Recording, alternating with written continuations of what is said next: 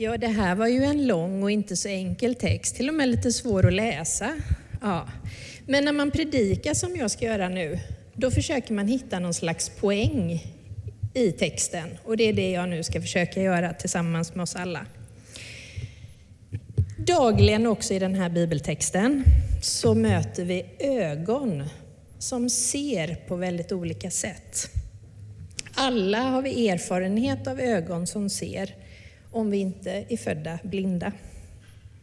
Det finns ögon som ser mig så att jag verkligen blir sedd. Det finns andra ögon som tittar bort, låtsas att jag inte finns. Det finns också ögon som tror sig se, men inte alls ser mig. Det finns ögon som kritiskt granskar oss och dömer. Och så finns det ögon med en varm blick. I berättelsen som vi har lyssnat till så finns det flera aktörer, tre stycken, som ser på olika sätt. För det första är det de som kallas fariseerna. De tror sig säkert veta och se vad som är rätt. Men i själva verket låter Jesus oss förstå att de är blinda inuti. De som med sina ögon kan se men inte behandlar sin medmänniska väl. De ser inte egentligen. Sen har vi Jesus, den andra personen. Han ser alla och han vill hjälpa både de här fariseerna och den blinda så att de kan se både med sina ögon och se med sitt hjärta, förstå hur vi ska behandla varandra.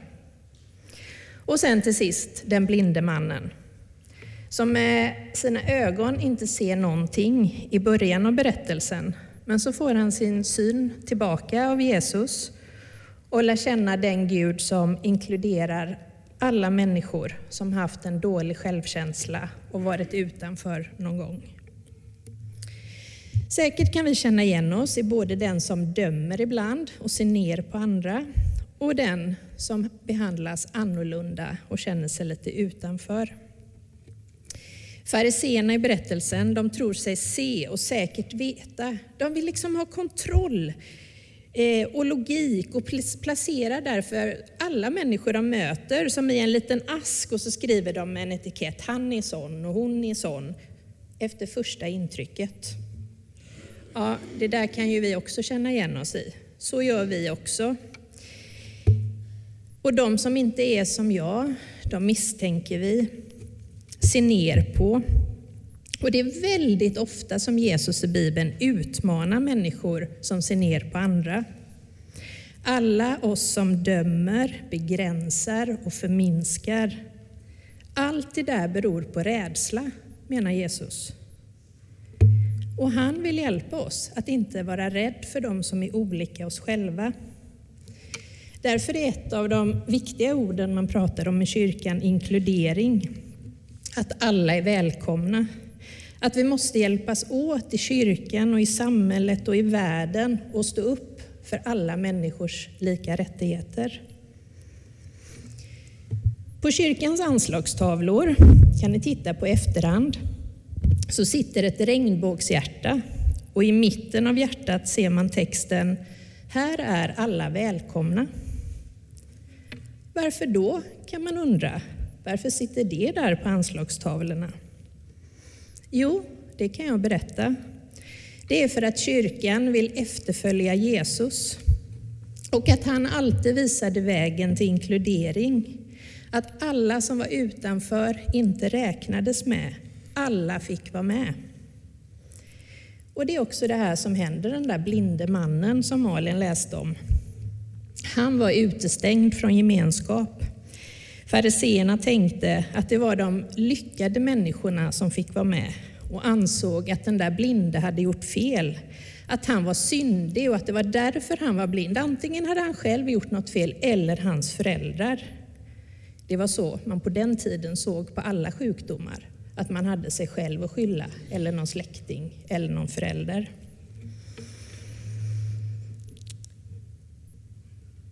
Mönstret upprepar sig i historien.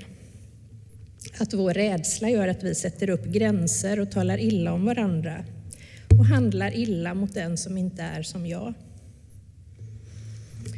Under det här regnbågshjärtat med texten Här är alla välkomna finns en annan text som har sin bakgrund bland annat den här dagen när Jesus möter den blinde, ger honom sin syn och tillrättavisar alla som dömer. Så här står det under det där regnbågshjärtat. Alla människor har lika värde och rättigheter. Det är grunden i FNs allmänna deklaration om de mänskliga rättigheterna och i vår kristna värdegrund. Vi tror att varje människa är skapad till Guds avbild och har ett okränkbart människovärde med rätt att leva sitt liv i frihet. Alla människor har rätt till alla mänskliga rättigheter och får inte av någon anledning såsom kön, ålder, etnicitet, religion, funktionsvariation, sexuell läggning eller hälsostatus diskrimineras. Både här i kyrkan och när vi möter varandra, i skolan, som grannar, i familjen, ja överallt där vi möter människor, ger Gud oss detta uppdrag. Att hjälpas åt så att alla känner att man får vara med, känner sig accepterade och älskade. Vi kan också känna igen oss i den här blinde mannen som upplevt att han är instängd och fördömd av de andra, liksom lagd i en låda med en färdig etikett. Vi kan känna igen någon slags längtan efter att ja, jag vill också bli sedd och älskad för den jag är. Kanske finns det en längtan i alla människor. Alla oss som kan känna oss lite osäkra, ibland har låg självkänsla eller självbild, jämföra oss med varandra och undra om vi duger. Mannen fick möta Jesus.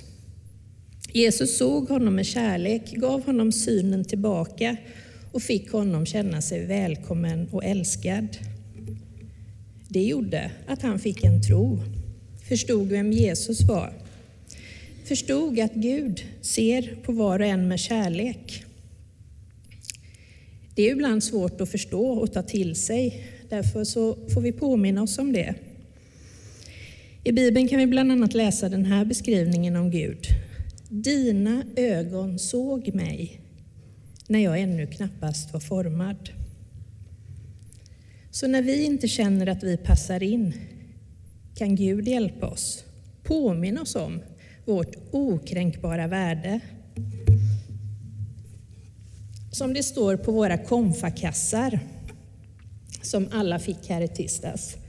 Alltid sedd, alltid älskad.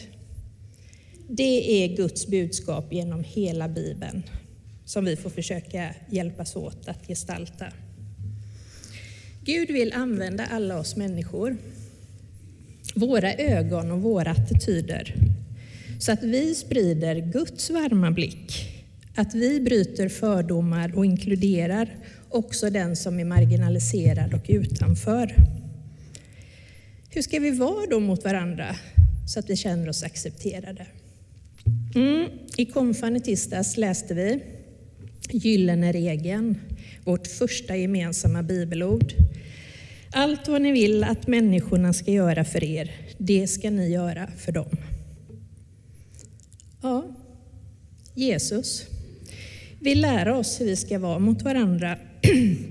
Gud vill hjälpa oss att inte vara egoistiska och dömande, utan hjälpa oss att faktiskt vara snälla, behandla varandra väl och respektfullt. Och så finurligt är det att vi alla är Guds medhjälpare på jorden. Det är genom oss som fred och kärlek och människors lika värde gestaltas. Och där gick nu den här mannen som texten handlade om. Den här dagen som alla andra dagar oskyldigt dömd. Vågade han ens drömma om ett värdigt bemötande? Vågade han bejaka någon slags inre längtan efter att bli sedd och älskad? Jag tror att han längtade efter det som vi konfirmander sjöng här i tisdags och som vi också har lyssnat på här i gudstjänsten. längtar efter att få höra, du vet väl om att du är värdefull? Att du är älskad för din egen skull, för ingen annan är som du. I motsats till förakt och fördomar som hittills hade följt den här blinde mannen vänder Jesus sin blick till honom, ser honom och för första gången blev mannen ett du och inte bara ett det. Jesus såg något annat än den där lilla boxen med en färdig etikett, född syndig, rakt igenom. Jesus vände blicken mot Guds möjligheter och helade både mannens yttre och inre syn. Jesus talar om sig själv som världens ljus innan han gör den där degen som man kan ju tycka är lite märkligt, ni som kommer ihåg vad Malin sa, han gjorde en, spottade och gjorde en deg och så la på mannens ögon och så tvättade han sig en damm. Det var så man, man gjorde då eh, och hoppades att det skulle hjälpa. Men innan han pratar om det och, och det här händer så säger han att han är världens ljus. Och mannen som förut vandrade i mörkret såg nu dagens ljus för första gången. Och tack vare att Jesus såg honom, verkligen såg honom, så började också en inre process där hans identitet fick växa fram, att faktiskt acceptera sig själv och känna, jag duger. Och mer och mer under den processen skulle han förstå vem Jesus är. Så till sist, vi alla människor, unga och äldre, kan känna ibland att vi inte passar in och duger. Men poängen med den här berättelsen är att Guds ögon vill påminna oss om sanningen. Du är alltid älskad, alltid sedd.